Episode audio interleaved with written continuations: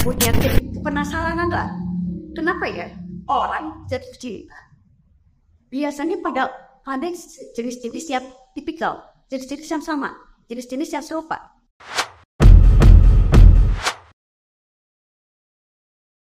Hai, saya datang lagi, tapi kali ini sendirian tanpa peneliti. Kenapa? Karena saya mau ngomongin soal cinta. Terus emangnya tak perlu peneliti? Ya perlu, tapi kok saya mau sendiri. Jadi gini, satu punya gagasan, punya penasaran nggak? Kenapa ya orang jatuh cinta?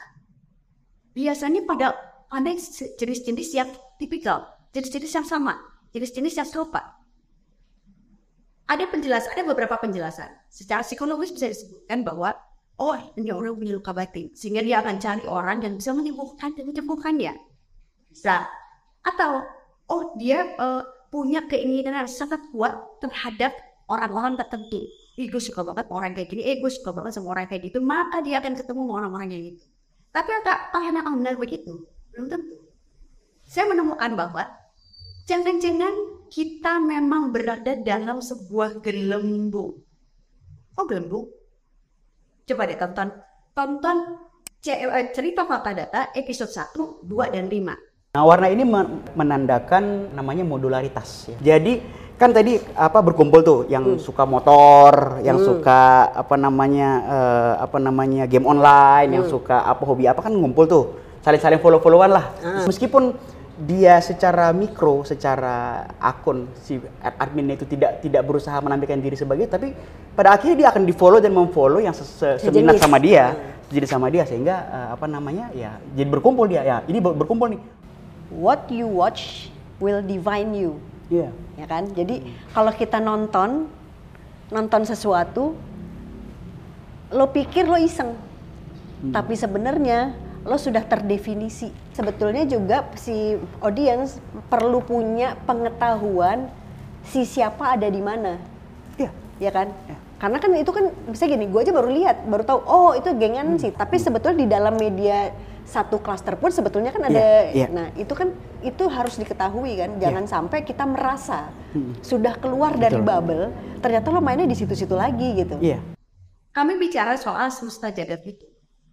Di situ disebutkan bahwa eh, banyak kanal-kanal YouTube yang berada dalam dalam eh, beberapa cluster, ada cluster macam-macam.